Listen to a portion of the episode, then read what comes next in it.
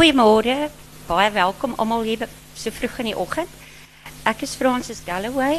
Ek is 'n uh, boekgeskiedenisnavorser en tans die redakteur van Litnet Akademies Geesteswetenskap opvoedkunde. Ek gesels vanoggend met professor Louise Viljoen, letterkundige verbonde aan die Universiteit Stellenbosch.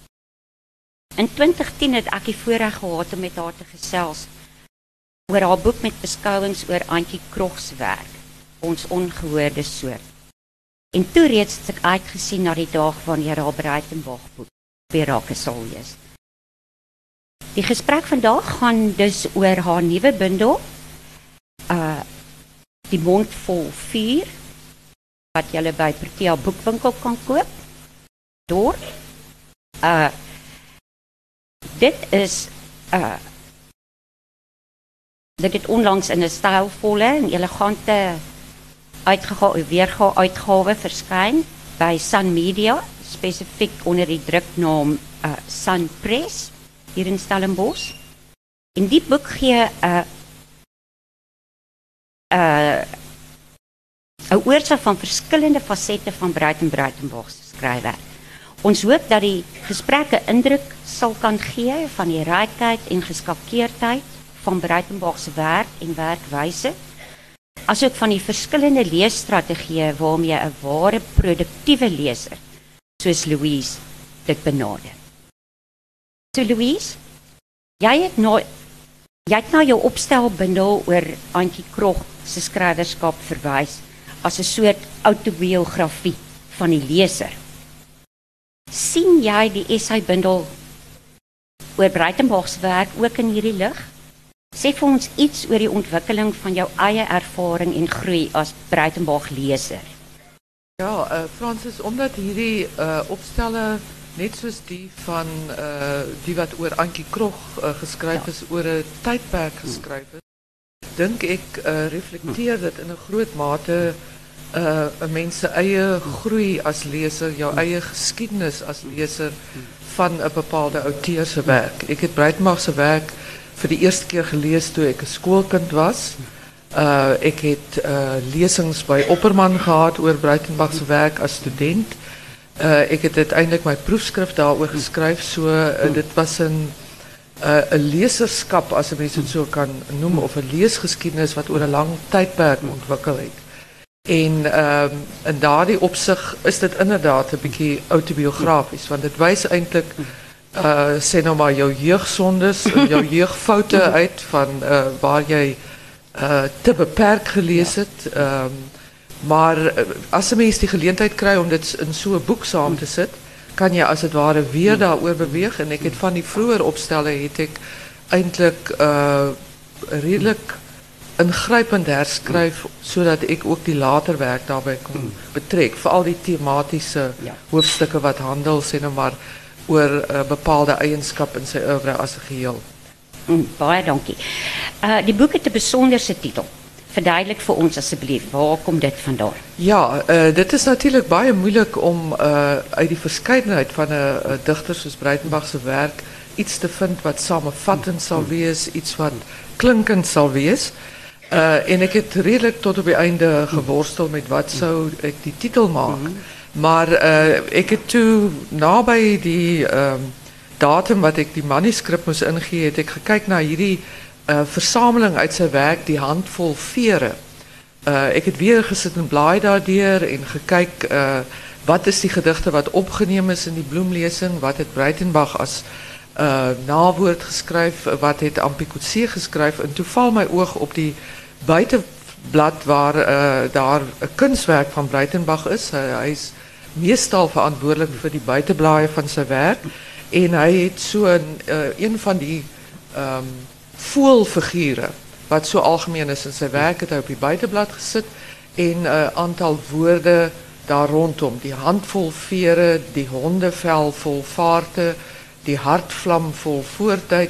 En onderste bo heel onder die mond vol vuur. En daar had ik besef, maar dit is uh, een frase wat eindelijk zijn schrijverschap samenvat. Het is iemand wat met geweldig baie passie schrijft. Uh, met baie hartstog uh, oor die liefde bijvoorbeeld. een van ons groot liefdesdigters, maar dit is ook iemand wat niet skroom om in zijn werk en ook in zijn openbare uitsprake met baie hartstog en partymal selfs met vernyn te skryf oor wat hy beskou as die misstande in die samelewing nie.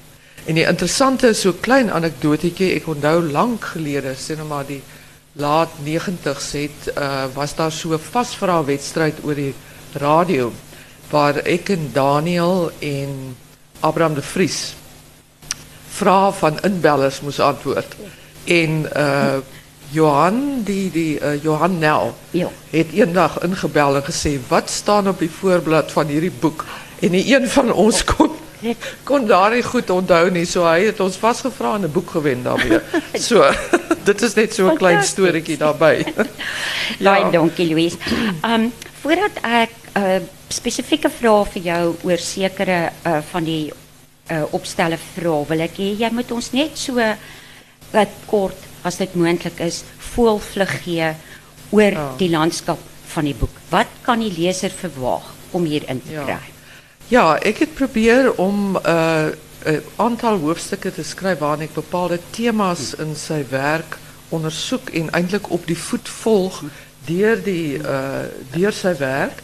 Uh ek moet sê ek is baie sterk uh, geïnteresseerd veral in sy poësie. Uh dit staan op die voorgrond. Ek is byvoorbeeld nie iemand wat sy uh politieke denke analiseer nie. Ek dink daar's mense wat dit baie goed doen, iemand soos Andrew Nash byvoorbeeld.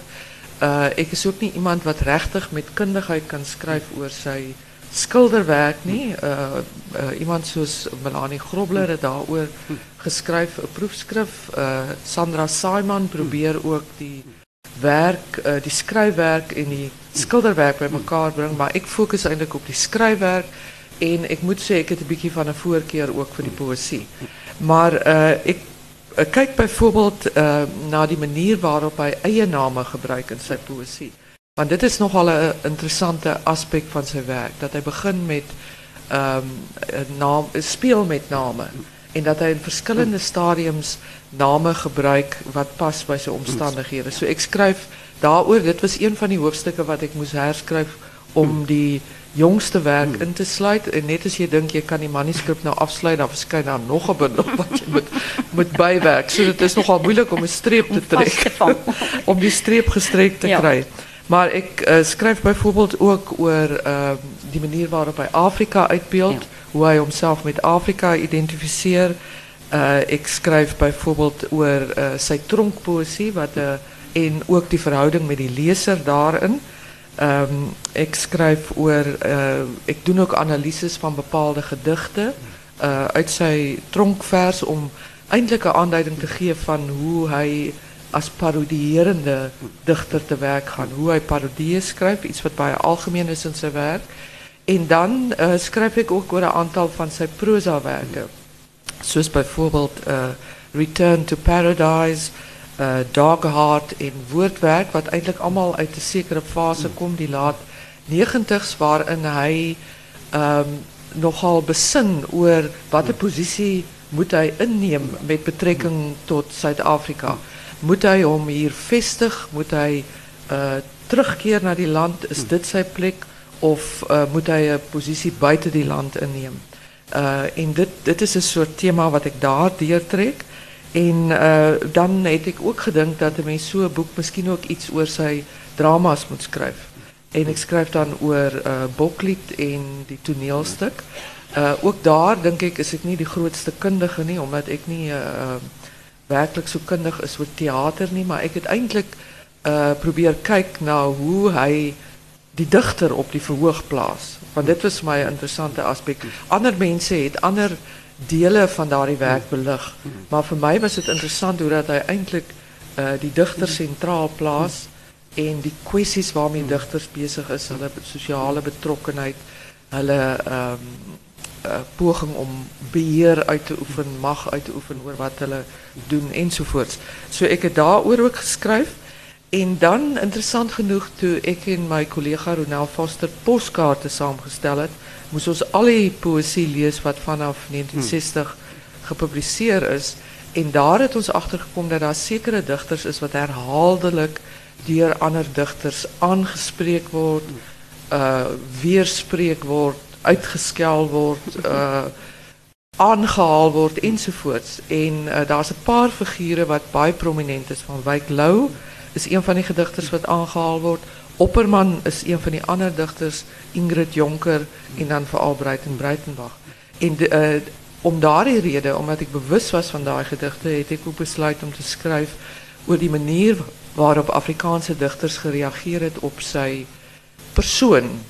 Want dit het ek agtergekom dat sommige van hulle het gereageer op hom as persoon, op sy optrede eintlik as 'n openbare figuur, uh terwyl ander gereageer het op sy poësie. Soms positief, soms negatief, in die ander geval ook. So ek het gedink dit is 'n manier waarop 'n mens ook iets kan sê oor sy impak uh binne die veld van die Afrikaanse poësie. En dan uh ten slotte het ek uh uh, opstel geschreven over die laatste werk, wat die release van Vieren Laatwerk genoemd is. Um, dit is die Windvanger van 2007, die Beginsel van Stof 2011 en Catalecte 2012. Daarna had hij natuurlijk nog een bundel gepubliceerd, wat een beetje van een spanner in die works gegooid Maar, maar uh, daar die drie uh, figureren amper als een soort trilogie. En ik heb uh, gekeken naar die manier waarop hij daar eigenlijk um, een soort van een poëzie van uitwissing schrijft. Ik zal later een beetje meer daarover zeggen. Goed, dit is nou, so, ik denk jullie het een goede idee waarover die boek gaat. En een mens kan uh dit was vir my groot vreugde om dit van voor tot agter te lees. Om dit in een nie een sitting nie, meer as een. Maar jy kan ook natuurlik die essays apart lees.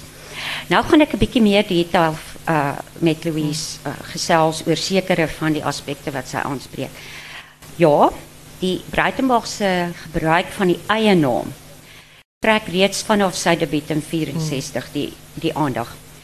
Jy wys daarop dat die eie naam in sy werk nie net sy betekenis ontleen aan die onmiddellike konteks waarin dit gebruik word of dit hmm. funksioneer nie, maar aan die komplekse intertekstualiteit daargestel deur hmm. sy biografie en sy oeuvre.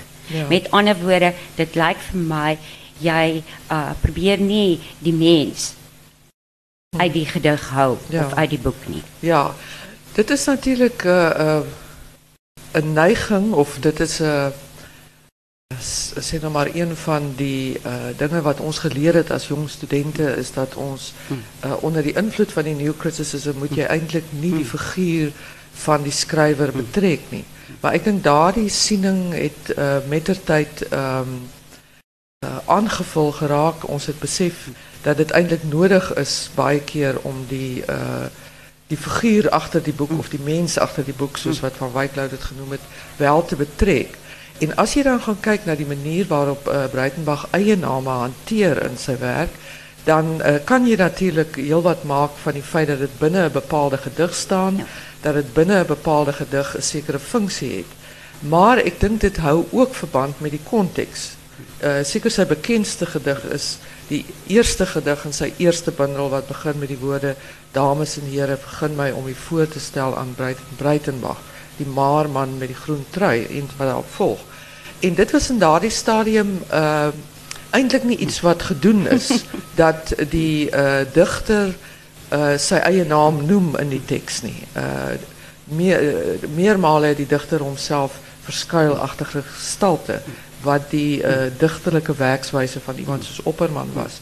So daar's 'n vernuwing hier plaas die digter homself as het ware as 'n biografiese gegewe binne die teks en uh 'n mens moet dit dan begin hanteer.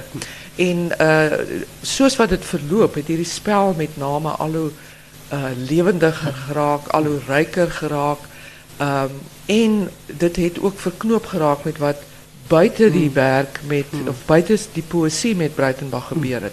Wanneer hij uh, gevangen genomen wordt, uh, bijvoorbeeld uh, in 1975, dan heeft hij werkelijk een schuilnaam gebruikt om die land binnen te komen. En daar die spel met namen gaan dan voort. Hij gebruikt bijvoorbeeld betaalmaal uh, schuilnamen waaronder hij zijn boeken publiceert. Die skuilnaam uh, is niet zo effectief nie want almal weet wie dit is. is? Ja. Jan Blom of Jan Afrika en dit is nogal 'n interessante gegewe dat hy uh daar op 'n manier die die uh figuur wat hy in die werk is as dit ware binne in die werklikheid inbring en dan aan die ander kant bring hy ook die figuur wat hy in die werklikheid is die biografiese Breitenbach bring hy dan in die tekste in. En dit hou altyd verband met die omstandighede. Ek noem maar net twee voorbeelde. In die tronkwerk is daar 'n spektrum van name, maar een van hulle is uh, Bird of Bangai Bird of Don Espejuelo, die man uh, die een wat meneer Spieel, die een wat vir homself in die spieël moet kyk omdat daar eintlik ook nie ander mense is om na te nie. Daar is uh, en hy's Bird want hy is 'n tronkvoël. ja. So daardie uh voelmetafore wat hy van tevore gebruik het deel van sy die naam wat hy vir homself gee, daai naam is 'n refleksie van sy omstandighede as 'n tronkvoël. Later in sy werk noem ek maar enkele voorbeelde die jongste werk iets soos uh bitter gesig buite blaf. Altyd die spel met die BB. Ja. Uh wat daar's 'n spektrum van name, maar daar uh die uh, selfbeskouing as iemand wat eintlik van buite Buite. af kritiseer. Uh en hy spot met homself. Ek is hierdie bitter bitter gesig of bitterbek buite blaf ensovoorts. Dis maar drie van die name wat ek nou uh, aan kan Blackface natuurlijk ook Blackface, die dit is einde. daar's Ja. natuurlik 'n 'n wonderlike tradisie onderliggend daaraan. Want uh, blackface is daai tradisie Mm. van wit mense wat hulle gesigte swart gesmeer het. Hy het ook 'n boek geskryf oor homself as 'n albino terroris. Terroris, ja. So daai hele idee van ras word bevraagteken ras as 'n konstruksie ensovoorts. So dis 'n eindelose speletjie. Baie interessant. baie lekker om saam op daai naamspoor Ja. te loop. Um iets anders wat ek dink baie interessant is is dat jy wys dat Breitenberg in sy uitbeelding van die verhouding tussen vader en seun in sy vroeë poësie 'n belangrike voorganger was van die prosa skrywers wat die laaste twee dekades van die 20ste eeu um hulle so besig gehou het met die uitbeelding van die verhouding vader en kind binne 'n bepaalde politieke konteks. Die, ja. die afloop van apartheid en die begin van 'n demokratiese bestel. So wat ek vir jou wil vra is as jy net so vir ons kan noem, wie is dan nou hierdie vaderfigure in Breitenberg se werk? Ja, dit Ja. was vir my nogal interessant in die uh vanaf die 80er jare was hierdie uh stryd teen die vaderfiguur was nogal baie prominent Mm. in die uh Afrikaanse letterkunde, Ja. veral in die prosa, 'n Ja. hele klomp skrywers wat daaroor geskryf het. Uh maar hierdie uh vaderfigure uh in sy vroeër werk sien ek eintlik amper as 'n voorganger, maar natuurlik ook 'n voortsetting van ouer werk. Interessante dinge Seem van 'n Juffer al daai soort van Ja.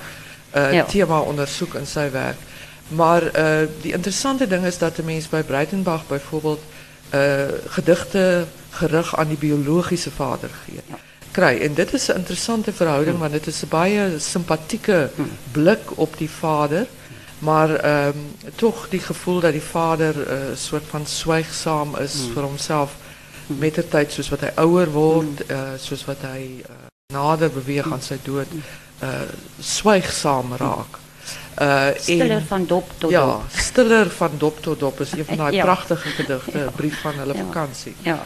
Uh, en dan is daar natuurlijk ook die verschillende dichterlijke vaders met wie hij in gesprek treedt. En het lijkt voor mij die persoon uh, wat voor hem vooral uh, belangrijk is, is van Wyklou. In zijn later werk in die tronk is het vooral die uh, connectie met Opperman. Maar in zijn vroeger werk schrijft hij aan van Wyklou en teen van Wyklou in. En ik heb zo'n beetje gebruik gemaakt van Harold Bloom's theorieën, wat praat over die feit dat een sterk dichter moet homself eindelijk los worstel of los skryf van zijn sterk voorgangers. En ik denk dit doen Breitenbach en dan uh, in die gedichten wat hij dan, uh, waarin hij als het ware naskryf of parodieer, wijst hij eindelijk ook op een zekere stilswaaie oor bepaalde goed.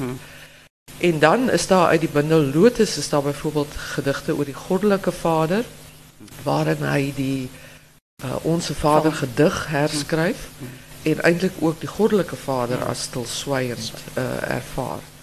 En tenslotte uh, is daar 'n analise van die gedig wat uh, daarvoor gesorg het in 'n groot mate dat sy bundel uh verbied is onder die sensuurwet en dit is die gedig wat hy gerig het aan John Foster. 'n uh, brief uit die vreemde aan Slagter wat opgedra is aan Baltasar. En die interessante ding is dat hy daar 'n gevangene aan die woord stel. En uh, wat ik ook opgelet heb, of wat ik uh, raak gezien heb daar, is dat het is ook een gedicht wat gebouwd is amper op die patroon van die hond van God. Uh, van Van Wyk Lou. Dit is ook zo'n lang uitgesponnen ja. gedicht. Waarin die gevangene praat en dan uiteindelijk expliciet voor die slachter vraagt. Wat sê jy oor hierdie gevangenes wat in aanhouding sterf? En antwoord mij alsjeblieft uh, in hierdie taal ja, hierdie taal wat ek en jy deel, hierdie taal wat Afrikaans is. Ja. Antwoord my asseblief voordat daar uiteindelik uh net grafte oorbly. Uh so dit is 'n ja. 'n besonder interessante gedig daarin van weer die koneksie met Van Wyk Lou en uh die eintlik amper 'n soort desperate oproep 'n hmm. antwoord van die politieke maghebbers van die en tyd. Uitbly. Ja, daai gedig het verskyn in 72, jy weet, ja. so dit was voor ja. die uh, terugkeer naar Zuid-Afrika en die gevangenschap. Uh, goed, Breitenbach is na, uiteraard natuurlijk zelf een dichterlijke vader. Mm. So, wat andere schrijvers dan, zoals jij gezegd hebt, uh, geïnspireerd het, of teen met wie in gesprek getree So kan jy vir ons so 'n bietjie breë kontoure gee van hierdie gesprek? Ja, uh, ik heb uh, twee, ik heb net nou verwijs daarna dat ik twee opstellen in die boek het wat ja. daaroor handel. Uh, die een waarin digters op hom reageer as 'n openbare figuur, ja. want toe ek nou al hierdie gedigte wat ek met die lees van uh, vir postkaarte gevind het, bymekaar sit, het ek gesien hulle val uit uh, eintlik uiteen in sekere groepe. En uh, ek het dit amper as 'n soort van 'n narratief gerangskik. Ja uh, hoe het mensen bijvoorbeeld gereageerd op zijn um, ballingschap? Dit is een woord wat de mensen eigenlijk tussen aanhalingstekens moet zetten, want hij was niet werkelijk een balling, nie, maar in een mate uit eie, uh, maar hij ja. uh, was geforceerd omdat hij getrouwd was met die Vietnamese vrouw wat hij niet uh, naar Zuid-Afrika als zijn echtgenoot kon brengen. So um, mensen wat daarop gereageerd het, uh, daar was reacties bijvoorbeeld op uh, sy openbare uitsprake toe hy die Reina Prins en Geerligsprys gewen het in 1967 en dit in Holland in ontvangs geneem het. Daar was uitsprake oor sy terugkeer met die somerskool in 1973 waar daar 'n geweldige soort van 'n media hmm. uh boei was daaroor. En die interessante ding is dat sommige uh, digters, iemand soos Adam Small en M. Walters uh, het, was eigenlijk gestuurd daarover. Mm. Dat daar zoveel ophef gemaakt wordt van een buitenstaander uh, wat terugkomt. En dat daar niet genoeg aandacht gegeven wordt aan die dichters hier binnen niet. Onder andere Adam Small wat gezegd, ik is eigenlijk een balling binnen in die land. En daar wordt niet zo ophef van mij gemaakt. Nie. So dit is een is een baie interessante debat wat naar voren komt. En sommige mensen wat om absoluut verdoem, de dichter Johan uh, de jager wat om in ja. baie grove terme uitskel oor wat hy ja. sê in die tye. Ja. Mense wat kommentaar lewer op die verskillende uh, op die eerste verhoor toe hy uh, verhoor is onder die wet van terrorisme. Ja. Uh, die tweede verhoor wat daar was, hm. uh, mense wat reageer uh, op wat hy sê na sy vrylating hm. ensovoorts. So dit hm. vorm eintlik 'n verhaal uh, dichters uh, tree in interactie daarmee. Eindelijk, ja, ja. en dit is ongelooflijk boeiend om te zien hoe hulle reageer ja. daarop. En dan was daar een andere groep gedichten waarin uh, dichters reageer op zijn werk. En ik heb een hele paar interessante voorbeelden daar gekregen.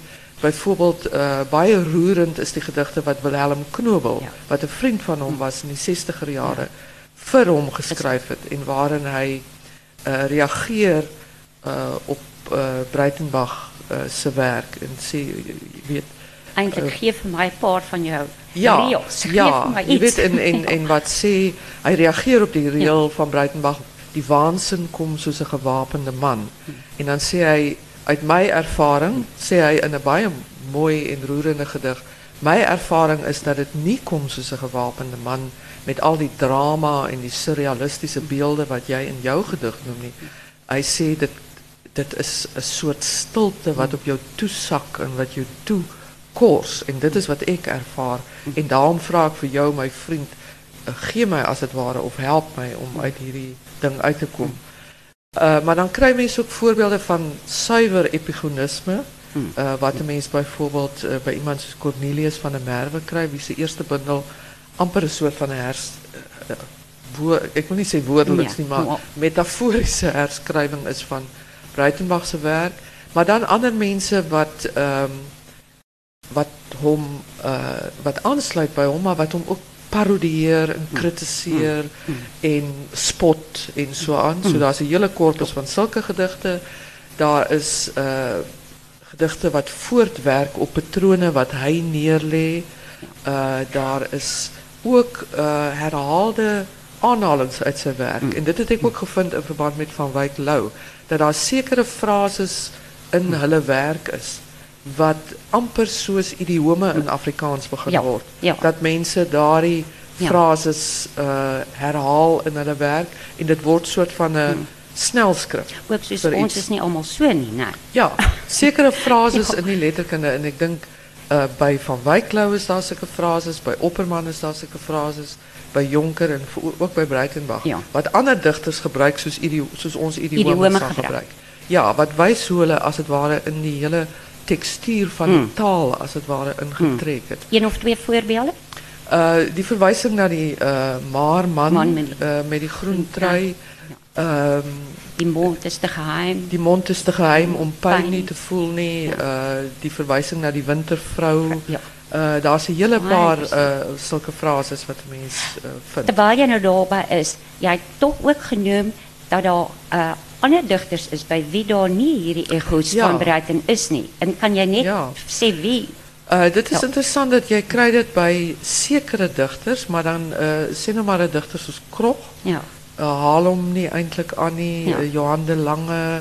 Daar's eintlik 'n hele uh, 'n hele spektrum van Ja. digters wat TT Kloete het in jy 'n dit ja, ook genoem. uh, ja. in 'n ander modus skryf.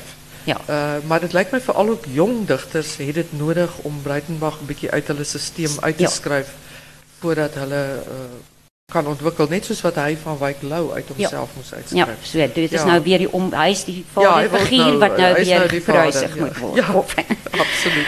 Okay, dit is baie interessant. Um in die hoofstuk uh die digter in Afrika wat vir my persoonlik 'n Hmm. baie interessante uh hoofstuk is, opstel is. Uh kies vir 'n weer of nie weer nie, maar hier spesifiek vir 'n autobiografiese leesstrategie. En jy toon aan hoe Breitenbach Afrika in sy poësie konstrueer as verwysingspunt van sy eie steeds veranderende identiteit. So Ja. wat bedoel jy daarmee? Ja, dit, is, uh, dit was voor mij eveneens uh, baie interessant om na te gaan oor die loop van sy uh, poëtische oeuvre. Ek het Ja. veral gekyk na die Ja. gedigte daar, hoe dat hy um, in die loop van hierdie bundels uh, steeds nuwe perspektiewe op Afrika ontwikkel. En hoe dit verband hou eintlik met uh, hoe dat hy deur sy lewe uh, uh, hoe dat sekere ervarings bydra tot 'n steeds nuwe perspektief. Uh, bijvoorbeeld in zijn vroegste werk, uh, wanneer hij uh, in Parijs is, uh, dink hij eindelijk op een baie nostalgische wijze terug aan Afrika. Hij identificeert hom dwars deur sy oeuvre baie sterk met Afrika, maar in daardie stadium contrasteer die identificatie met Afrika 'n bietjie met die verzet teen Suid-Afrika. Eintlik die politieke systeem in wie eh, waarteen hy baie sterk in opstand is. So daar's hierdie soort spanning. Uh jy weet hierdie uh passie vir Afrika, die drome oor Afrika, ehm teenoor die daar's in sekere sin ook 'n 'n verlange na Suid-Afrika, maar is baie sterk vermeng met 'n soort weerstand en 'n afkeer. En uh in daai hele eerste fase tot omtrent met die gevangenskap uh word Afrika al hoe sterker geïdentifiseer met die vryheidsstryd. En sien hy eintlik Afrika 'n uh, kontinent. en Dit is natuurlik laat 60s, begin 70s as 'n wat 'n revolusionêre potensiaal het en wat as dit ware uh moet meehelp om die opstand in Suid-Afrika of die revolusie in Suid-Afrika uh te laat deurbreken. te laat deurbreken. En als prachtige beelden over vlam en uh, vuur en glinstering en zo aan, vooral in skryf. Ja. En in daardie stadium is Afrika niet net meer een soort van 'n vaarkonsep nie, dit word gedetailleerd want hy besoek stede, stede uh, jy weet Tanzanië ja. en hy ja. skryf oor die geskiedenis van Dar es Salaam, hy gebruik die beelde wat kom uit die Swahili literatuur en so aan. So dit word 'n baie meer concrete, um, concrete uh, kennis van Afrika. En natuurlijk in die, in die tronkfase is hy weer, moet hij weer terugvallen op zijn verbeelding. Kan hij eigenlijk niet voor hemzelf verbeelden wat gaan hier buiten kan die tronkmuren aan. Maar hij blijft bezig met die geschiedenis van Afrika, met die geschiedenis van Zuid-Afrika, kolonisering en zo aan. En dan in die bundels daarna is het nog steeds um, is dit weer hierdie identifikasie met Afrika en dit is weer 'n baie konkrete ding want hy hy raak betrokke by uh die uh Goeree projek. Ja, ja, ja. Uh die ja. uh, die Goeree Instituut in uh, uh aan die kus van Senegal ja. En uh hy reis deur die hele Afrika, so hy ken Afrika konkreet en dit uh vind ook neerslag in sy werk, maar die gevoelens raak al hoe meer kompleks.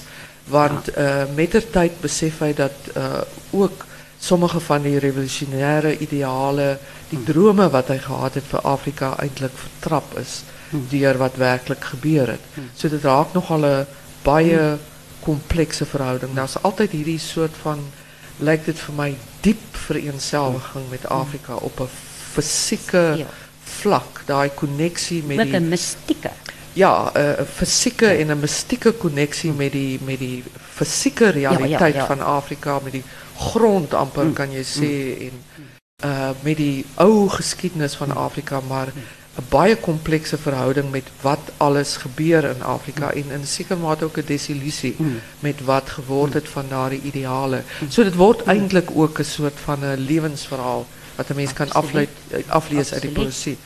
Mm. Um, in in jou drie opstellen oor die prosa. Uh kyk jy eintlik uh na die soort tussenwêreld ja. wat nou of tussenin wat nou verbreiding mm. begin ja. ontwikkel. Ja. En jy weet wat nou ook verband hou met daai die disillusie, die ja. bietjie wegtrek uit ook met wat in ja. ja. gebeur het onder ja. uh, nuwe bedeling. En dan gebruik jy die woord liminaliteit. Mm.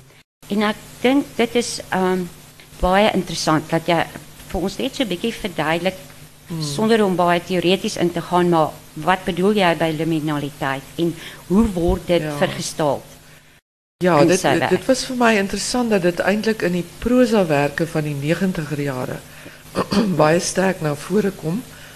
want hij heeft geschreven Return to Paradise. Dat was een seizoen in die paradijs van 1976. Gepubliceerd terwijl hij in die tronk was, maar gebaseerd op zijn ervaringen in 73.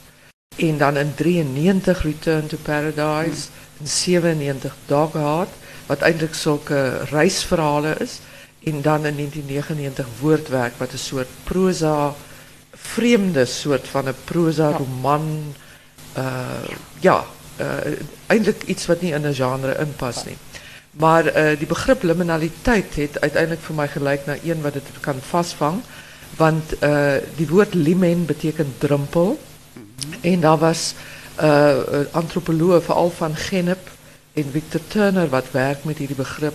Wat uh, praat van die liminale processen. Dat uh, vooral in zekere situaties um, wat hij in cinema van Genep denk ik het onderzoeken gedaan in Zuid-Amerika onder stammen daar. Ja.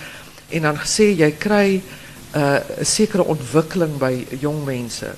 Wanneer hulle uh, kinders is, is hulle deel van een bepaalde omgeving. Hulle is deel van die gemeenschap. Ja. Of die communitas uh, is die term wat hij gebruikt.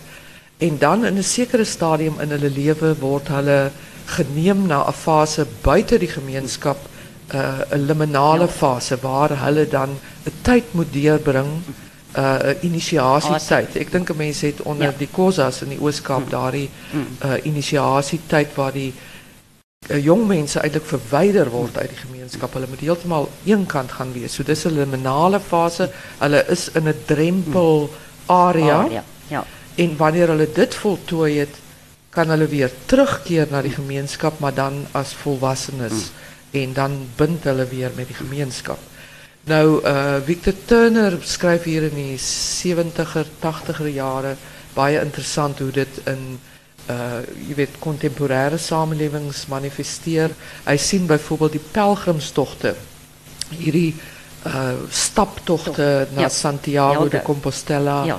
uh sien hy eintlik as sulke liminale periodes waar mense hulle self verwyder uit die gemeenskap en daar uh sonder uh onderskeid tussen ras en klas en geslag as dit ware buite die reëls van die gemeenskap uh saam is uh voordat hulle weer teruggaan. Hy sien selfs goed soos die groot rockkonserte Mm. van Pink Floyd en so aan sien hy as sulke periodes waar mense ongeag van wie hulle is as dit ware buite hulle normale samelewingsrolle saam is. En uh daar word daar's interessante toepassingsmoontlikhede op die werk van kunstenaars. En ek dink Breitenbach worstel in daai reisverhale telkens met die vraag uh is ek deel van Suid-Afrika veral in die nuwe bedeling wat hy toenemend as vyandig uh ervaar. Uh moet ek my vestig hierso of moet ek uh moet ek my? En hy begin in hierdie werk op artistieke wyse maar later dan ook in sy besinnende essays begin hy dink aan wat hy noem 'n uh, uh, die ruimte van 'n middelwêreld. Uh, met ander woorde jy is uh jy gaan terug na waar jy gebore is, maar jy's nie tuis daar nie. Jy uh gaan na die plek waar jy jou gevestig het, maar daar's jy ook nie volkome tuis nie. So jy beweeg in hierdie middelruimte. En dit is vir die kunstenaar dink ek kom hy uiteindelik tot die konklusie miskien tog wel die gepaste plek om te wees. As jy wil kommentaar lewer, as jy wil afstand behou ensovoorts. Maar dit maak hom natuurlik ook partymal dit maak hom ongewild. Ja. Veral in Suid-Afrika waar mense sê, jy weet, hoe kan jy praat oor die omstandighede as jy En nie hier is bereid is om hier te bly en dit alles Ja. mee te nie. Ja. Dit hang nat, dit dis natuurlik ook 'n manifestasie wat mens kry in sy soort van wisseldans met die volk. Ja. Jy weet, dan kom trek die volk kom nader en dan stoot hy hulle terug. Hy laat hom vir 'n rukkie amper koopteer, kom in die in die in Ja. die stelsel en dan baie bitterlik ongelukkig vinnig daarin en dis weer uitbeweeg. Ja. So dis daai dans. Ja, ja. is deel van hierdie liminaliteit. Dit Ja, is ja, dit wa- zo. Ek, ek ja. bedoel, jy het baie interessant geskryf eintlik oor daardie uh, sê nou maar die debatte rondom Boklied. Ja. Waar die lesers van die burger uh, gestem het dat hulle hom nie as deel van die volk wil ja, nie. So dat- 80%. 80% van die mense Ja. wat gestem het. Miskien was dit 5 wat gestem het. Ja. So 3 uit 5. Ja. Hoeveel hoeveel 4 uit 5? Ja. Maar ja, toe het Martie Meyering al gesê, "Toe maar, daar is hierdie ander 20%. Ons sal sammies dat doen. Ons sal ondergronds gaan met hom." ja, ja, nee, ek, maar ek dink dit is uh, ek dink enige kunstenaar uh, is nooit uh, so 'n gemaklike figuur die volk Absoluut. om te Ja. te omarm nie. En hy is die man met die mond vol vuur. Vier, ja. Hy Ja. spoeg die vuur waar hy dink Dit hoor of nie hoor. moet wees. en dit is nie altyd vir almal nie. Uh, Ja. Dit is ook nie vir ons as die kritici altyd so Ja. gemaklik nie. Ja. Uh, ons uh, er word ook maar gebrand by tye. Ja, sou so dink. so dit is nou baie baie interessant. Het ons nog 'n tydjie? Ja, nog so Kan ek nog 5 minute. 15 minute. Uh, miskien dalk tog net um ek wou gevra het in hierdie tussengebied uh wil jy dalk iets sê oor die waar plaas die leser? Hoe uh, het het Brighton enigiets te doen met sy leser? Ja. Jy weet? Ja, uh, ek het uh, skryf veral in hierdie uh uh boek skryf ek oor sy verhouding met die leser in die tronkpoesie. Ja.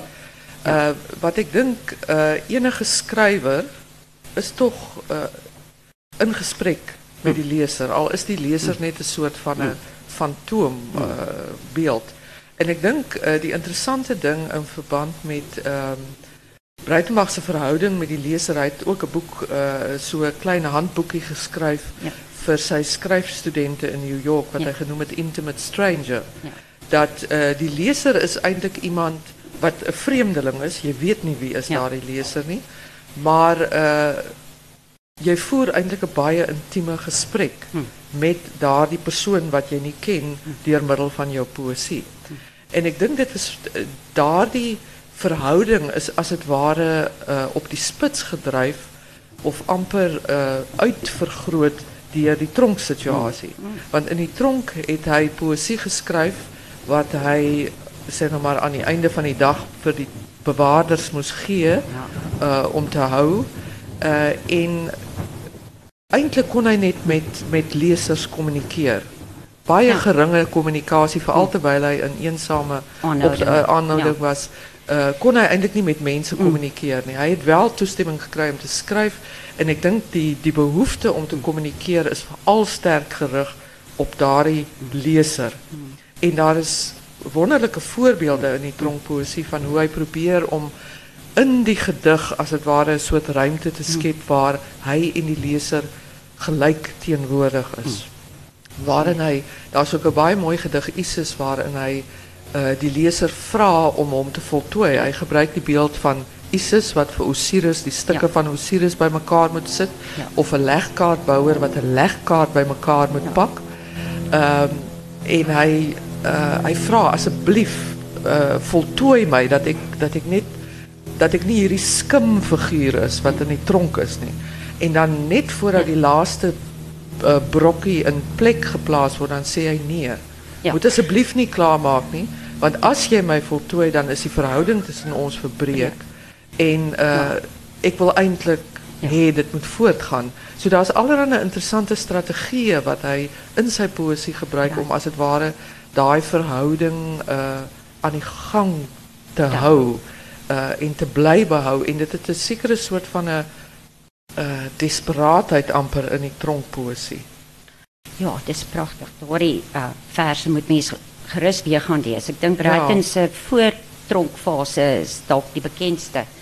En uh, die herbesoek van die bundels wat in die tronk geskryf is is is uh, is iets wat mense op jou leeslys moet plaas.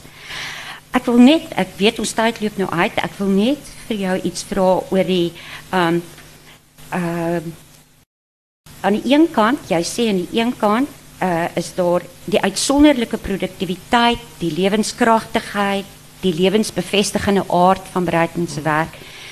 En aan die ander kant is daar ehm um, sy bemoeienis met die nuut, met die mm. bewussyn van verganklikheid en verval. En hy hy neem eintlik daaraan deel in die sin van dat hy sy eie werk wil uitwis. Dat hy ja. dat hy dit wil ehm um, ja, So daardie toepos van uitwissing is veral duidelik vir jou in hierdie laaste 3 ja, luik. Ja. En as jy dalk net iets daaroor ja. kan? Ja, net uh baie vinnig. Dit dit is inderdaad so dat 'n mens in sy werk as 'n geheel het jy hierdie uh in 'n sekere sin 'n uh, ontploffing van kreatiwiteit, 'n hm. ontploffing hm. van kreatiwiteit van 1964 tot nou. Dit ja. uh dit is 'n baie omvangryke oeuvre.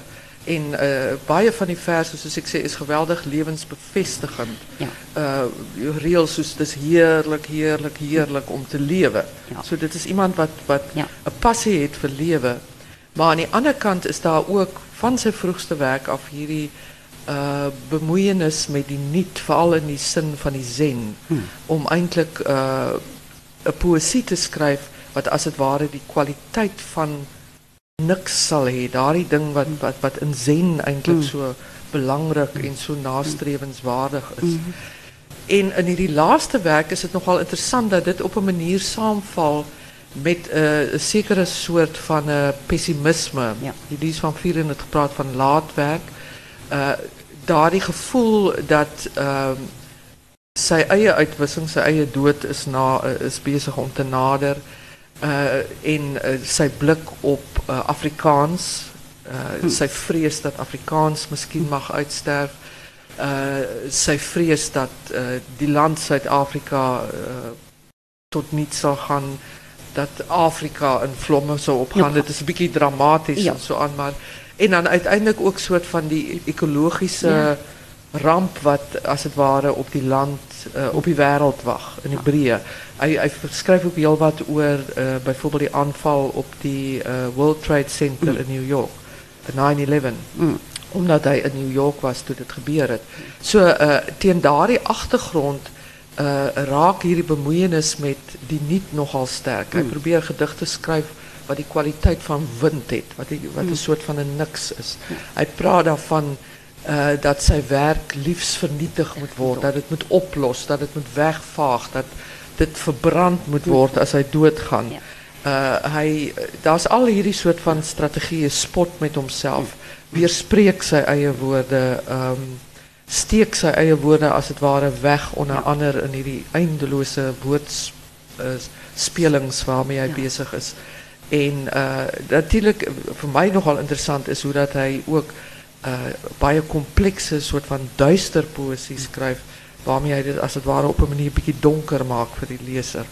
Maar ja. ons zal niet ophou zoeken. Nee. ons zal niet ophou zoeken. Nie. ja. Ek, uh, Louise, voor ik voor jou dankie sê, wil ik niet weer, is daar ook, uh, ja, jy moet maar mooi luisteren. Wat... Die aandui brink uh, huldigings ja? was. 80% van sy praatjie was politiek. Ja. Sy afskuw en sy teleurstelling en sy woede dat dit waarvoor hy geveg het en moes betaal het besig is om tot aan. Is dit nou heeltemal iets nuuts of het hy dit al neergeskryf? Ik denk niet, uh, dit is niet niet. Uh, dit ontwikkel eindelijk ja. vanuit ja. die begin van die negentiger jaren in hierdie werk. Je weet hierdie proza werken waarvan ik gepraat het, waar in die hele liminale positie of die positie van die middelwereld ontwikkeld wordt. Het is baie sterk in hierdie laatste drie bundels, waarin die hele, uh, sê nou maar die toepos van uitwissing nogal een prominente rol speelt. En ik denk wat hij bij de geleentheid uh, die huldiging vir Brink gedoen het, is om eindelijk vir Brink uh, te vereer. Ja, as 'n skrywer wat sy ja. uh, rol as hm. skrywer ten volle vervul het. Ja. Wat uh homself uitgespreek het. Uh teenoor dit wat hy uh verkeerd sien en ek dink mm, uh dit is sy siening van wat 'n skrywer moet doen. Moet Ander skrywers uh, voel misschien anders daaroor, maar dit is zijn siening en ik denk in daardie opsig het hy daardie ou band wat hij met Brink gehad het as het ware opgeneem, uh, hernuwe en opgeneem. Absoluut. Mag ik een klein opmerking maken? Kijk, ik heb een baie lang geschiedenis samen met hom. Ja, Wilhelm. Ik vind het verschrikkelijk moeilijk om contact te maken. Want hij beweegt nou een baie hoge sociale kringen. Ik weet niet of jullie dat ik denk niet, ja, dit is... Ja, ik kan hem nooit meer zien zonder dat die zekere dame daar is. Wat als die behoeder optreden. Excuse, dank je hoor. Oké, okay, ik was jammer jij sukkel om hem uit te komen. Is daar nog iemand wat ook voor Louis... Is het... Dankie Lina.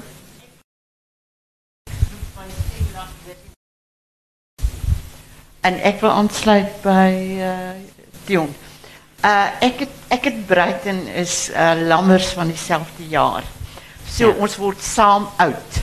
En ek wil net 'n dankie sê vir jou Louise. Ek is so trots op julle albei as ek nou oud kan klink en ek wil nie graag ja. oud klink nie. Oor hierdie ongelooflike goed uitgewerkte lesing. Die absolute oopmaak van sy werk. Ek het baie skuld gevoel oor Bruiten. Dis my belydenis van die oggend. Want ek was die een wat in Nederland was toen hij die Reina Prins en Geerlingsprijs gekregen en hij lelijke goed oor Nederland gezet en ik verliefd was op Nederland op dat stadium. En daar was een ander gedicht wat ik hoop, jij gaat het niet naar verwijzen in jouw boek niet, wat ik hoop en die niet verdwijnen. Al wat ik wil zeggen, ik het om leer kennen als een warm, mm. zachte, mm. wonderlijke mens, wie ik zo lief geworden heb. Daar's nooit uitsprake van wederwysige toegeneentheid geweest nie, maar ons albei voel dit so sterk aan. En daarmee wil ek ook sê ek dink hy het 'n grootheid van gees. En ek hoop net dat sy poësie nooit sal verdwyn en dat hy eintlik in sy diepste wese ook hoop dat Afrikaans sal bly lewe want hy sê dit. Hy Hy sê- dit in persoonlike Ja. gesprekke. Hy het dit vir my gesê. Ja. Dankie. Baie baie dankie Lina. Ek ja. Ek sal dit oordra aan Bruiten. Iemand wat dalk uh het ons nog 'n tydjie? Ek dink Dink ons tyd is nou Ekskuus. Moet dus afsluit. Goed. Dan sluit ons af en sê um ek wil graag vir Sun Media komplimenteer met die uitgee van hierdie hierdie akademiese werk van hierdie gehalte. Ek het op 'n ander geleentheid gepraat oor hoe sleg dit gaan met die publikasie van akademiese vakliteratuur. En baie baie dankie dat julle hierdie werk aanpas en dit uitgee. En dan wil ek asseblief dan wil ek vir jou sê ehm um, Louise, dit is vir my ja. Baie dankie dat jy ons saamgeneem het op jou leesreis. En ons laat deel dit in die plesier van die teks. Jy is 'n uitstekende reisgids. Baie dankie. baie dankie.